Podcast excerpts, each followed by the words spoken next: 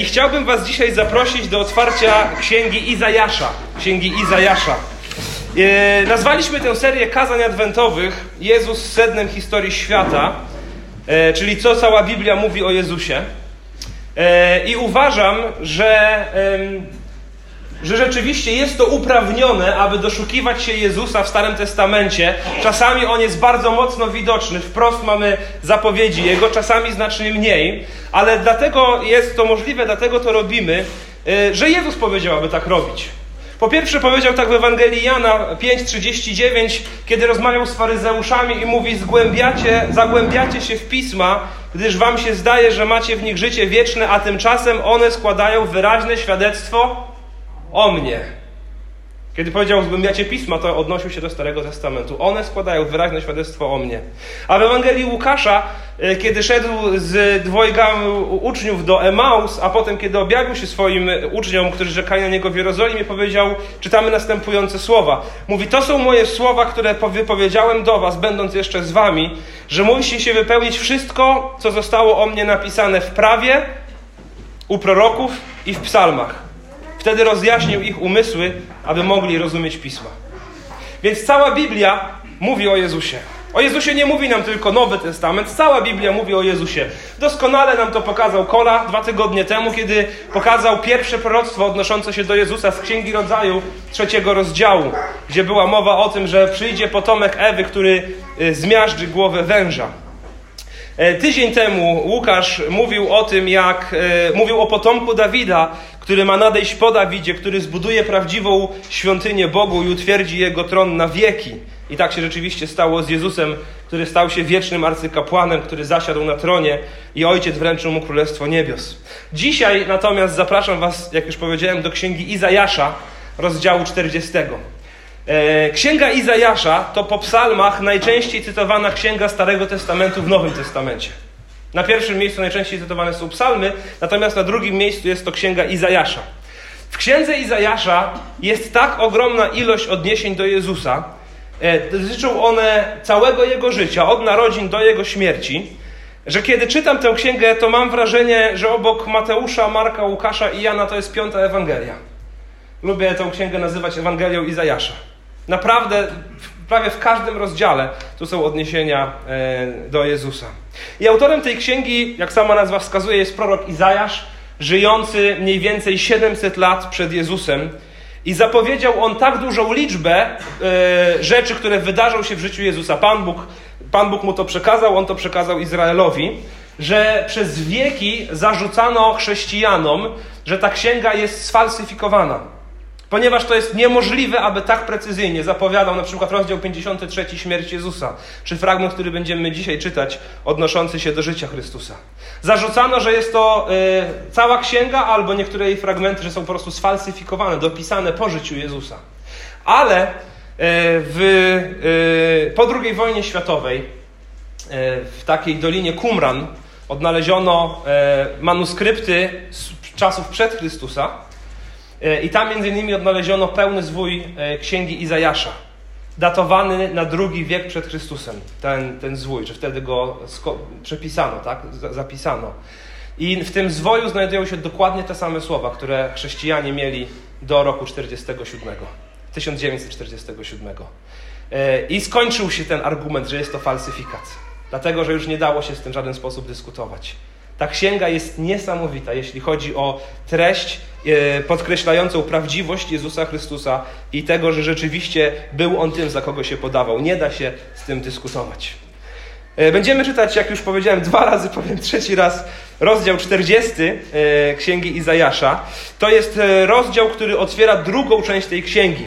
Pierwsza e, część to rozdziały 1 do 39, które są, e, która ta księga, ta, ta część pierwsza 1 do 39 jest nazywana księgą gruźb i zawiera mnóstwo ostrzeżeń, e, napomnień dla, dla Izraela i dla narodów ościennych. Natomiast od rozdziału 40 zaczyna się taka druga część, która się nazywa księgą pocieszenia. Zawiera ona E, proroctwa mówiące o tym właśnie, że od Boga nadejdzie pocieszenie dla Jego ludu. A trzecia część nazywana jest Księgą Triumfu. Więc przeczytajmy wersety od 1 do 11. E, na nich się skupimy, a później pod koniec kazania przeczytamy resztę tego rozdziału. 1 do 11. Pocieszajcie, pocieszajcie mój lud, mówi wasz Bóg.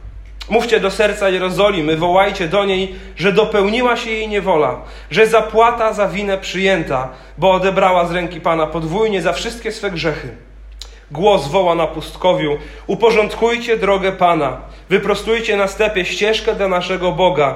Doliny niech będą podniesione, góry i pagórki obniżone, to co strome wyprostowane, a co wyboiste wyrównane. Wówczas objawi się chwała Pana. I zobaczy to wszelkie ciało, ponieważ usta Pana tak postanowiły. Głos mówi: Głoś. Zapytałem więc, co mam głosić? To, że wszystko, co żyje, jest trawą, z całym swym wdziękiem jest niczym kwiat polny. Usycha ta trawa i wiennie ten kwiat, gdy tylko wiatr Pana powieje na nie.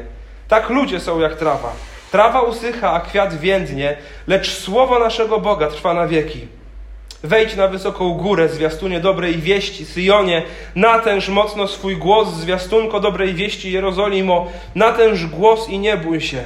Mów do miast Judy, oto wasz Bóg, oto wszechmocny Pan przychodzi jako mocny, swym ramieniem sprawuje władzę, przybywa z zapłatą, ma z sobą należności, jak pasterz będzie pasł swe stado ku jagniętom, wyciągnie ramiona, przytuli je do serca, a karmiące poprowadzi ostrożnie.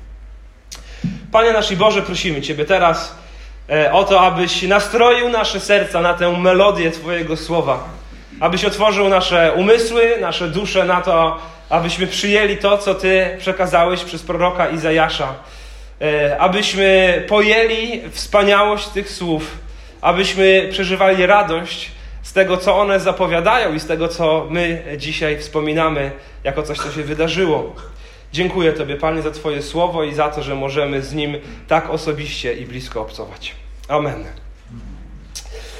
Tych 11 wersetów można podzielić na takie trzy części, i każda zaczyna się od wezwania do tego, żeby głosić. Mamy to w wersecie drugim, gdzie jest mówcie, wołajcie. Potem w wersecie szóstym głos mówi głoś. I w wersecie dziewiątym ponownie wejdź na wysoką y, górę i głoś, wytęż swój głos. Więc trzy części tutaj widzę w tych 11 wersetach. Przeczytajmy jeszcze raz część pierwszą, czyli wersety 1 do 5. Pocieszajcie, pocieszajcie mój lud, mówi wasz Bóg. Mówcie do serca Jerozolimy, wołajcie do niej, że dopełniła się jej niewola, że zapłatę za winę przyjęta, bo odebrała z ręki Pana podwójnie za wszystkie swe grzechy. Głos woła na pustkowiu: Uporządkujcie drogę Pana, wyprostujcie na stepie ścieżkę dla waszego Boga. Doliny niech będą podniesione, góry i pagórki obniżone, a to co strome wyprostowane, a co wyboiste wyrównane. Wówczas objawi się chwała Pana. I zobaczy to wszelkie ciało, ponieważ usta Pana tak postanowiły. Ta część księgi, którą czytamy, te wersety, które teraz przeczytaliśmy, są proroctwem skierowanym do Izraela, który będzie w niewoli babilońskiej. Za jakieś 200 lat od czasu, kiedy pisał to Izajasz. On już do nich kierował słowa, wiedząc, że ich niewola się dopełnia. I zaczyna się ten, to, to wezwanie, ta księga pocieszenia, właśnie od słów: pocieszajcie, pocieszajcie mój lud. Zachęcajcie go, przynieście im radość, przynieście im nadzieję, pocieszajcie. Mówcie do serca Jerozolimy, że niewola się skończyła, że zapłata za winę została przyjęta, za wszystkie ich grzechy została przyjęta podwójnie. Zostało to w pełni wszystko spłacone, ich zobowiązania. I rzeczywiście z powodu swojego wielowiekowego trwania w bałwochwalstwie, w nieposłuszeństwie, w grzechu, naród izraelski miał zostać wygnany do Babilonu. Ale czas tej niewoli miał się skończyć, bo opłata za grzech została uiszczona i została uiszczona podwójnie. Dług pełni i całkowicie spłacony. Ale nie tylko w tym jest to pocieszenie. Bo zaczyna się od pocieszania. Pocieszajcie mój lud. Po pierwsze, dlatego, że dług spłacony, ale myślę, że tu jest coś jeszcze większego, co ma przynieść pocieszenie. O tym mówią wersety 3 do 5. Mówią o tym, że sam Bóg do nich przyjdzie. Nie tylko w przebaczeniu grzechów jest pocieszenie, ale jest w tym, że Bóg nadejdzie w swoją chwałą do nich.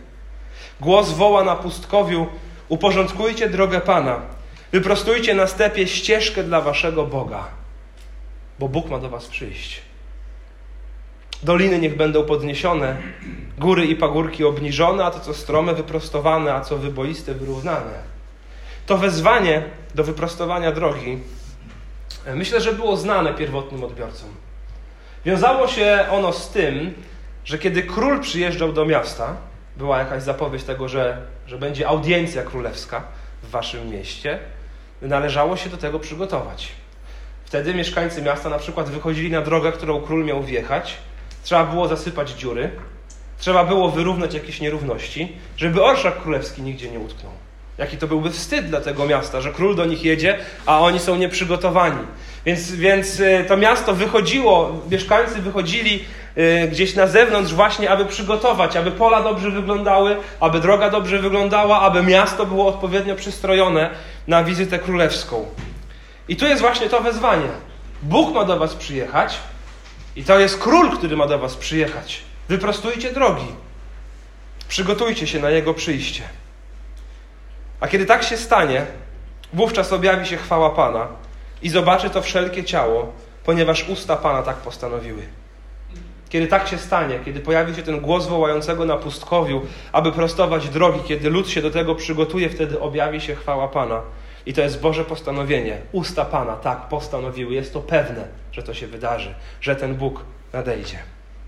Więc wersety 1 do 5 mówią o tym, że jest pewna nadzieja. Pewna nadzieja, nie w sensie, że jakaś nadzieja, tylko że pewność i nadzieja, może tak lepiej to ujmę. Pewność i nadzieja dla tych, którzy są w niewoli, że Bóg ich wyciągnie, że Bóg spłaci, e, spłaci ich dług, czy, czy ta zapłata zostanie uiszczona i że Bóg przyjdzie osobiście do swojego ludu, a ten lud ma być na to gotowy. Więc pocieszajcie się tym i zachęcajcie. Druga część tego tekstu, wersety 6 do 8, gdzie znowu zaczyna się to od tego głosu, który woła, myślę, że można by nazwać e, tę drugą część słabość ludzi, do których przychodzi wieczny Bóg. Więc wiemy, że Bóg ma nadejść, wiemy, że ma nadejść ze swoją chwałą, wiemy, że ma się pojawić głos wołającego na pustkowiu, ale do kogo on przychodzi? Wersety 6 do 8. Głos mówi: głoś. Zapytałem więc, co mam głosić? To, że wszystko, co żyje, jest trawą, z całym swym wdziękiem jest niczym kwiat polny. Usycha ta trawa i wiennie ten kwiat, gdy tylko wiatr Pana powieje na nie. Tak, ludzie są jak trawa. Trawa usycha, a kwiat więdnie, lecz słowo naszego Boga trwa na wieki. Ten lud, do którego ma przyjść Bóg, do którego ma przyjść król, który ma się na to przygotować, jest ludem słabym. Jest ludem słabym, jak trawa czy polny kwiat. I to jest dla nas bardzo ważne przypomnienie. Y, Łukasz Woźniak, pastor Łukasz Woźniak tydzień temu o tym mówił bardzo dużo. Mówił o Dawidzie, który chciał zbudować dla Boga świątynię.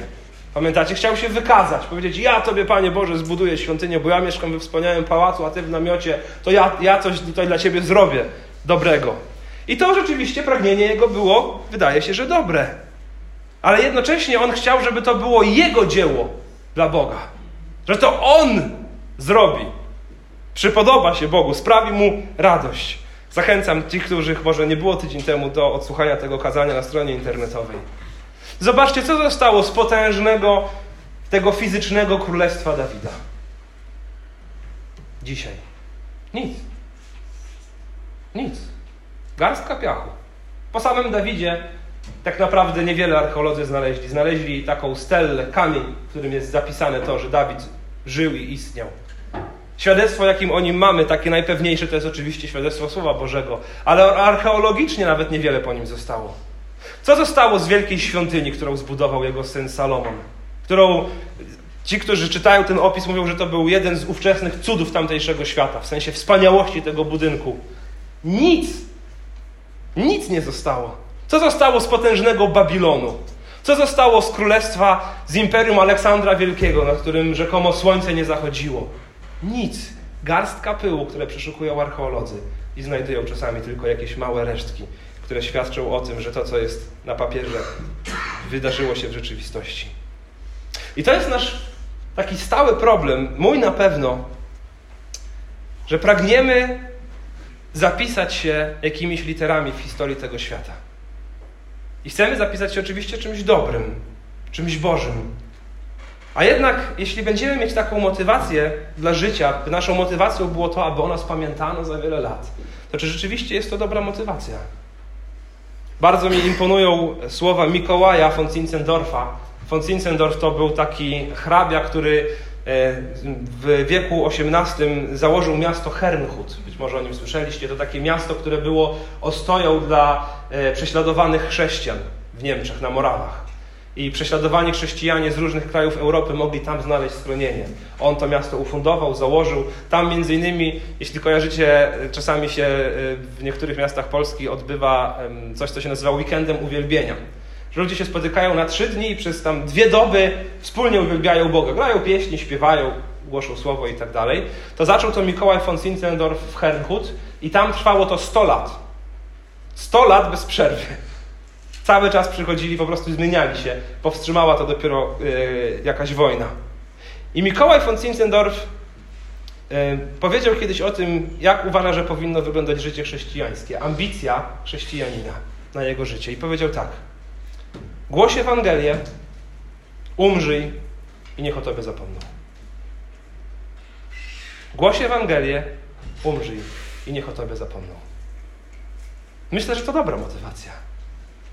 Szczególnie kiedy patrzę na ten werset. Trawa usycha, a kwiat więdnie, lecz co trwa na wieki? Słowo Boże trwa na wieki. Głoś Ewangelię, niech to słowo przetrwa. A potem umrzyj i niech o Tobie zapomną, ale słowa tego niech nie zapomną. Jesteśmy tylko trawą i polnym kwiatem. One są piękne na wiosennej łące, ale szybko usychają. Czasami, kiedy z, z moimi córkami, Tadzia jeszcze nie było, pojechaliśmy gdzieś na, właśnie do lasu i nazbieraliśmy dla mamy mojej żony jakiś bukiet kwiatów e, takich z łąki. To zanim je dowieźliśmy do domu, to tam już, wiecie, one tak wyglądały nieciekawie. Są bardzo kruche. Piękne chwilowo, ale bardzo kruche. I myślę, że to jest e, dobra perspektywa do złapania. Jesteśmy trawą i polnym kwiatem, które szybko usychają, a chcemy być często kamieniem, który przetrwa wieki. Ale kamień jest jeden. Tym kamieniem jest Jezus Chrystus i tą skałą. Złapmy dobrą perspektywę, póki nam dano tych kilka lat na ziemi. Rozkwitajmy dla Bożej chwały, a potem nie bójmy się w spokoju odejść do niebiańskiego domu. Niech Jego słowo trwa na wieki, a nie nasze ulotne życie. I to też uczy mnie tego, aby nie gonić za tym, co ulotne. Nie chcę gonić za kulturą, która się ciągle zmienia. Nie chcę gonić za tym, aby przypodobać się jako chrześcijanin czy jako zbór współczesnemu człowiekowi. To, co dzisiaj jest współczesne, jutro już będzie przedawnione. Jutro odejdzie do lamusa. Skupmy się raczej na tym, co ma trwałość wieczną. Słowo naszego Boga trwa na wieki, mówi Izajasz. Więc niezwykłe jest to dla mnie, że pierwszych pięć wersetów mówi o wyzwoleniu o Bożej chwale, która przychodzi do ludu, o królu, który wjeżdża do miasta. Do kogo ten król przychodzi? Komu on niesie wyzwolenie? Polnemu kwiatowi i trawie, która usycha. Jakże niesamowita jest Jego miłość. On nie przynosi ratunku wiecznym i potężnym niebiańskim istotom. Nie przynosi ratunku cherubom, nie przynosi ratunku serafom, nie przynosi jej aniołom. Przynosi ją tym, którzy są ograniczeni w czasie, przynosi ją tym, których życie trwa ledwie kilka dekad, przynosi ją tym, którzy są poddani grzechowi, przynosi ją tym, którzy jednego dnia nie potrafią wytrwać w posłuszeństwie Bogu, przynosi ją tym, którzy upadają i się potykają, przynosi ją tym, którzy nie potrafią odpowiednio Jemu usłużyć tak, jak On na to zasługuje i przynosi ją jeszcze tym, którzy chcą być pępkiem tego świata. Niesamowity jest nasz Bóg.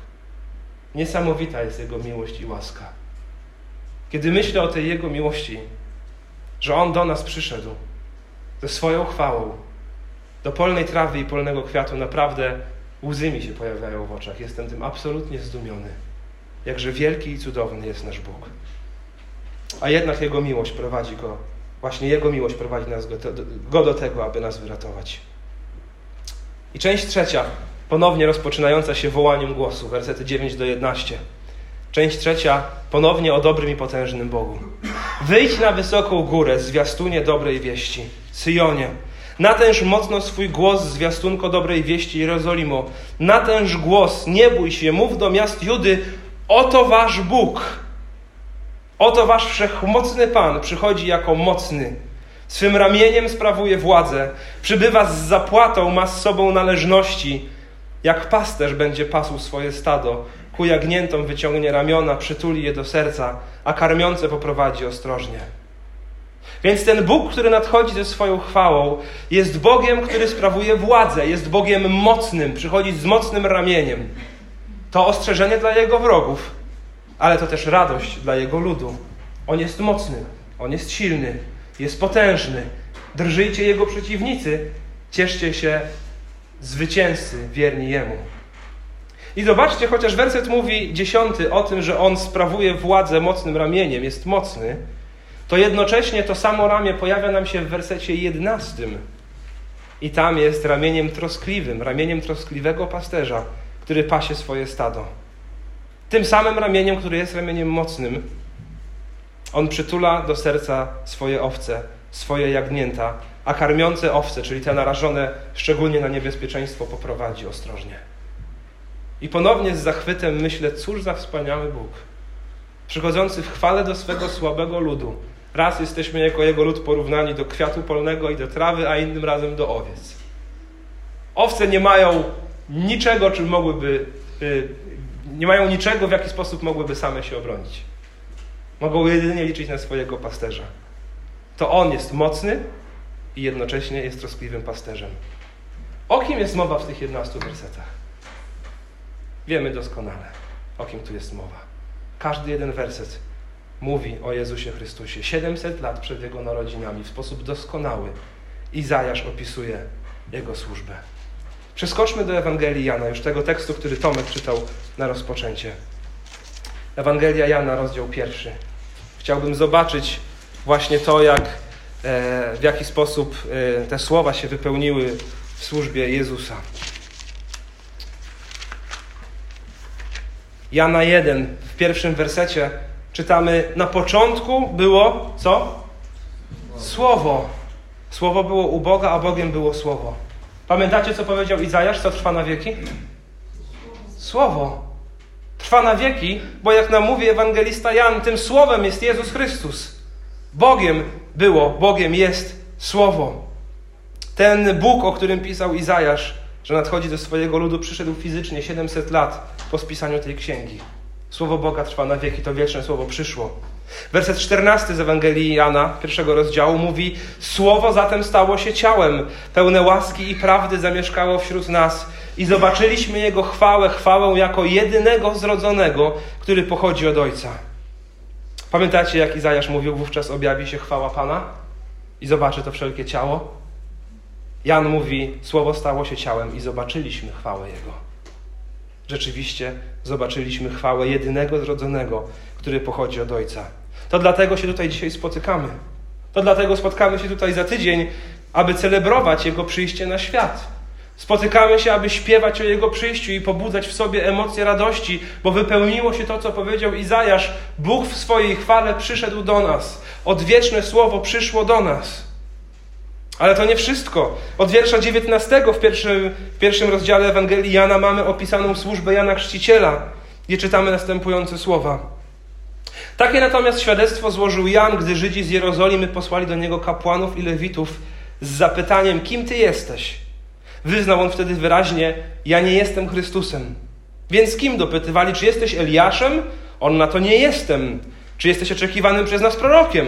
Odpowiedział: Nie. W takim razie kim? Chcieli wiedzieć. Musimy bowiem dać odpowiedź tym, którzy nas przysłali, za kogo się uważasz. A Jan na to: Ja jestem głosem wołającego na pustkowiu. Prostujcie drogę Pana. Jak powiedział prorok Izajasz. I rzeczywiście Jan był tym, który na pustyni izraelskiej, przy Jordanie, przygotowywał ludzi na przyjście Pana. Ewangelista Mateusz w trzecim rozdziale mówi: Schodzili się do niego mieszkańcy Jerozolimy, całej Judei oraz okolic położonych nad Jordanem, a tych, którzy otwarcie przyznawali się do swoich grzechów, Jan chrzcił w Jordanie. Jan wzywał ludzi do tego, aby przygotowali drogę swoich serc dla nadchodzącego Boga Króla, drogę swojej duszy. Przekonywał ich o grzechu, a ci, którzy się do nich przyznawali otwarcie, byli przez niego chrzczeni.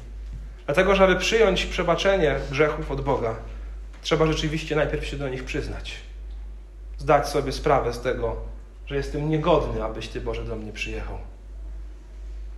Nie, da się, nie, nie, da, nie damy sobie rady w tym, aby tę drogę dla Niego przygotować. My raczej powinniśmy do Niego wyjść i powiedzieć: Panie Boże, ta droga do mojej duszy jest tak wyboista i taka dziurawa. I ja nie jestem w stanie jej naprawić na Twoje przyjście. Ale mimo to proszę Cię, Ty przyjdź i wyrównaj ją. I przyjdź do mnie i zamieszkaj we mnie. Zamieszkaj w mieście mojej duszy. Nie jesteśmy w stanie sami tej drogi wyrównać, ale On jest w stanie to zrobić. I Jan wzywał do tego ludzi. Przyznajcie się, że ta droga jest w beznadziejnej kondycji. Przygotujcie się na drogę Pana. Przygotujcie się na przyjście Pana. W drugim rozdziale Ewangelii Jana czytamy, jak Jezus przyszedł do świątyni położonej na górze Syjon w Jerozolimie. Izajasz mówił o tym, aby Syjon i Jerozolima śpiewały o tym, że nadchodzi Bóg. Aby były zwiastunami dobrej wieści, dobrej nowiny. I czytamy o tym, jak Jezus w wersecie 15 swoim ramieniem, mocnym ramieniem, jak opisywał to Izajasz, przychodzi jako mocny. Czytamy e, w wersecie 15, wtedy ze sznurków ukręcił bicz i wszystkich, w tym owce i bydło, wypędził ze świątyni. Wymieniającym pieniądze rozsypał monety i powywracał stoły. Jezus przyszedł jako Bóg mocny, z mocnym ramieniem i rozgonił tych, którzy e, hańbili godność świątyni na Syjonie. Ale już w trzecim rozdziale, niczym dobry pasterz pomaga zagubionej owcy, tak Jezus pomaga zagubionemu Nikodemowi. W rozdziale czwartym, jako Mesjasz i Zbawiciel objawia się Samarytance, która prowadzi zupełnie poplątane życie. W rozdziale piątym, jak pasterz troszczący się o zranioną owcę uzdrawia chorego przy sadzawce Betesda. W rozdziale szóstym, jak pasterz troszczący się o swoje stado karmi tysiące głodnych, którzy słuchali jego słowa. W rozdziale ósmym, jak pasterz chroniący owce przed wilkami ochrania kobietę przyłapaną na cudzołóstwie i ochrania ją przed e, śmiercią z rąk faryzeuszy, a potem do niej mówi idź i więcej nie grzesz. W rozdziale 9 uzdrawia ślepego od urodzenia i w końcu w rozdziale 10 i wersecie 11 mówi wprost ja jestem dobrym pasterzem. Dobry pasterz oddaje swoje e, życie za swoje owce. I on dokonał tego na krzyżu Golgoty, kiedy oddał swoje życie za swoje owce. Izajasz mówi: Dopełniła się wasza niewola. Zapłata za winę przyjęta, bo odebrała z ręki Pana podwójnie za wszystkie swe grzechy. I wraz ze śmiercią Jezusa, kiedy on zakończył swoje święte, doskonałe życie, przybity do krzyża rękami słabych ludzi, przybity do krzyża rękami kwiatu polnego i trawy polnej, rozerwała się zasłona w świątyni. Świątynia stała się bezużyteczna. Nie trzeba składać ofiar, bo Jezus złożył ofiarę doskonałą. Złożył ją, a potem zasiadł na niebie, w, w niebie na tronie.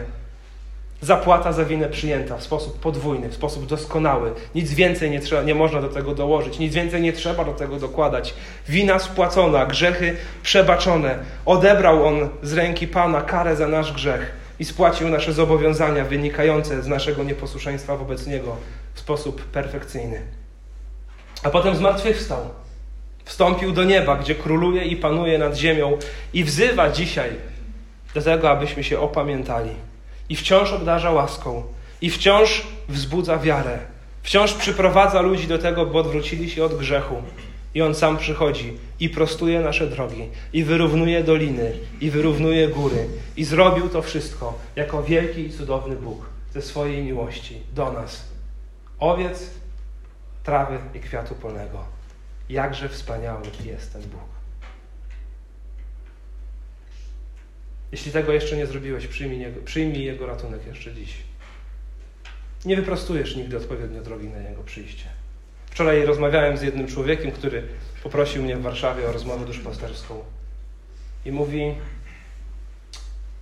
Wydaje mi się, że ja jeszcze nie jestem do końca wierzący, bo jeszcze to muszę zmienić, i to muszę zmienić, i to poprawić. Powiedziałem mu: Nie jesteś w stanie tego zmienić. Jeśli myślisz, że jak wyrównasz właśnie tą górę i tą dolinę, to wtedy Pan Bóg do ciebie przyjdzie. To nie rozumiesz tak naprawdę Jego miłości. Nigdy nie będziesz gotowy na to, aby powiedzieć, no teraz to ja już jestem w pełni gotowy na przyjście Chrystusa do mojego życia. Nigdy tak nie będzie. On Ciebie pokochał na tyle, że On jest sam gotowy przyjść do Ciebie. I oddaj Mu się w całości ze swoimi obciążeniami, ze swoimi troskami, a On wyrówna te doliny i wyrówna te pagórki. On jest wielkim, wspaniałym, potężnym Bogiem. z troskliwym ramieniem, powiedz mu o tych pagórkach i dolinach. On przyszedł do usychającej trawy i więdnącnego kwiatu ludzkości, a jego przyjście poprzedzał głos wołającego na pustyni Jana Chrzciciela. Jaki z tego płynie dla nas wniosek? Po pierwsze, jak już powiedziałem, przyjmij jego ratunek jeszcze dziś. Zawołaj do niego i powiedz: Boże, proszę cię, wejdź do mojego życia. Wyrównaj tę drogę i wejdź do tego słabego miasta mojej duszy, które nie jest przygotowane na króla. Ale ty przyjdź i je przygotuj w sposób odpowiedni. Jedyne, co musisz zrobić, to rzeczywiście przyjść do Niego i wyznać Mu to, że, ta, że to wszystko jest po prostu w jednym wielkim bałaganie. Kiedy, jak nie dziś, podjąć taką decyzję i odpowiedzieć z wiarą na głos wołającego na pustyni? A jeśli jesteś częścią Jego ludu, to znajdź w tych słowach z księgi Izajasza pocieszenie, bo po to one zostały napisane. Pocieszajcie, pocieszajcie mój lud. Znajdź pocieszenie w osobie Jezusa Chrystusa. Może przechodzisz teraz przez coś trudnego w swoim życiu. Pamiętaj, że nasze życie jest jak trawa i polny kwiat. Szybko mija, ale jest coś, co trwa wiecznie. To Jezus Chrystus i to życie u Jego boku. Trawa i kwiat nie ma łatwego życia. Owce też nie mają łatwego życia. Często jest to życie śmierdzące. A On kocha nas i prowadzi. Znajdź w nim pocieszenie, zaufaj mu, on przeprowadzi cię. Śpiewaliśmy, choćbym szedł ciemną doliną, zła się nie ulęknę, bo ty jesteś ze mną. Wierzysz w to? Ten psalm i ta pieśń nie obiecuje, że on cię tylko będzie prowadził przez łąki i pastwiska. Mówi, choćbym szedł ciemną doliną, to nie ulęknę się zła, nie dlatego, że jakoś sobie poradzę, ale dlatego, że On jest ze mną. On przyszedł do nas w chwale z mocnym ramieniem i jednocześnie troskliwym ramieniem. I o tym mówi druga część tego rozdziału. Przeczytam tylko te wersety, nie będziemy ich w zasadzie w ogóle omawiać. Chcę nimi zakończyć to kazanie. Posłuchajcie, od wiersza 12 do 31. Jak, jakie jest zastosowanie tych słów, czy dalsze myśli, które rozwija Izajasz? Kto zmierzył garścią odmęty mórz lub piędzią wymierzył niebiosa?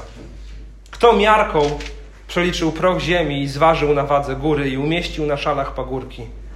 Kto przeniknął ducha Pana? Kto go pouczył swą radą? Kto udzielił mu lekcji? Dzięki komu nabrał rozumu? Kto go wprowadził na ścieżki słuszności? Kto mu poszerzył wiedzę lub wskazał drogę rozumu? No to narody są jak kropla w wiatrze. Znaczą tyle, co pył na szalach. Także wyspy uważa za lekkie. Drzew Libanu nie starczyłoby na ogień, jego zwierząt zabrakłoby na ofiary. Wszystkie narody są niczym wobec niego, są przed nim jak nicość, jak pustka. Do kogo chcielibyście upodobnić Boga? Jakie moglibyście wskazać podobieństwo? Czy do bożka? Takiego odlewa rzemieślnik. Złotnik powleka złotem i przytwierdza mu srebrne łańcuszki. A kto na to za biedny bierze drewno bez próchna, szuka lepszego w rzemiośle i zleca mu sporządzenie bożka, który by się nie przewracał. Nie wiecie? Nie słyszeliście? Nie mówiono wam o tym od początku? Nie rozumiecie, jak powstała ziemia? On siedzi ponad jej widnokręgiem, a jej mieszkańcy są niczym szarańcza. Rozpostarł niebo niczym zasłonę, rozciągnął je jak namiot, w którym można mieszkać.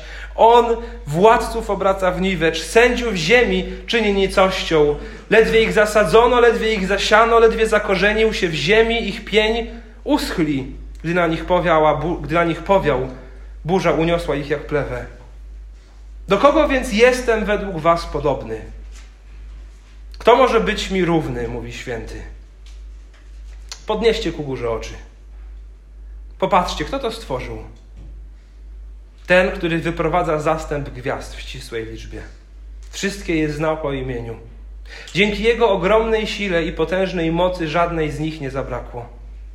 Dlaczego więc mówisz Jakubie i twierdzisz Izraelu, że zakryta jest przed Panem Twoja droga i nie dochodzi do Boga Twoja sprawa? Czyżbyś nie wiedział? Czyżbyś nie słyszał? Bogiem wiecznym jest Pan, Stwórcą krańców ziemi. On się nie męczy ani nie ustaje. Niezgłębiona jest Jego mądrość. Zmęczonemu daje siłę, a bezsilnemu moc w obfitości. Nawet najmłodsi ustają, nawet młodzieńcy padają, lecz tym, którzy ufają Panu, przybywa wciąż nowych sił. Wzbijają się na skrzydłach jak orły. Biegną, nie tracąc tchu. Prą naprzód i nie są zmęczeni. Co za fragment. Co za fragment. Narody jak kropla w wiatrze. Jak pyłek na szalach wagi. My sobie myślimy, że my coś potrafimy. Oto On, który stworzył świat i wyprowadza zastęp gwiazd na niebo. Oto On. I mówi, czyżbyś nie wiedział i nie słyszał, Bogiem wiecznym jest Pan. Więc dlaczego pytasz, gdzie jesteś? Dlaczego więc mówisz Jakubie i twierdzisz Izraelu, że zakryta jest przed Panem Twoja droga i nie dochodzi do Niego Twoja sprawa? Dochodzi. Znajdź pocieszenie w osobie Jezusa Chrystusa. A tym, którzy ufają Panu, przybywa wciąż nowych sił. Zbijają się na skrzydłach jak orły, biegną nie tracąc tchu i prą naprzód i nie są zmęczeni. Dlaczego im przybywa sił? Bo zaufali temu, który jest w pełni silny. Jak Jezus powiedział, kiedy był tutaj na ziemi, przyjdźcie do mnie wszyscy zapracowani i przeciążeni, a ja wam zapewnię, zapewnię wytchnienie. Przyjdźmy do Niego i my. Przyjdźmy w Adwent. Kiedy usiądziemy do kolacji wigilijnej w najbliższą sobotę, naprawdę skupmy się na Nim. Bóg w swojej chwale przyszedł do nas, do trawy i kwiatu polnego. Dokładnie tak, jak zapowiadał to e, trzeci rozdział Księgi Rodzaju. Dokładnie tak, jak zapowiadał to Bóg Dawidowi w drugiej Samuela 7. Dokładnie tak, jak prezentował, prorokował o tym Izajasz. Drodzy, niech prezenty, kolacja, choinka, lampki nie przyćmią nam tego, co my świętujemy. Świętujemy najważniejsze wydarzenie w historii świata. Nic lepszego tego świata nigdy nie spotkało, jak to, że do nas przyszedł Bóg i to, co na tej ziemi dokonał. Przyniósł przebaczenie grzechów, wytchnienie dla strudzonych i zmęczonych, ale przede wszystkim przyniósł samego siebie. I oto jest powód naszego świętowania. Jezus w centrum historii świata. Amen.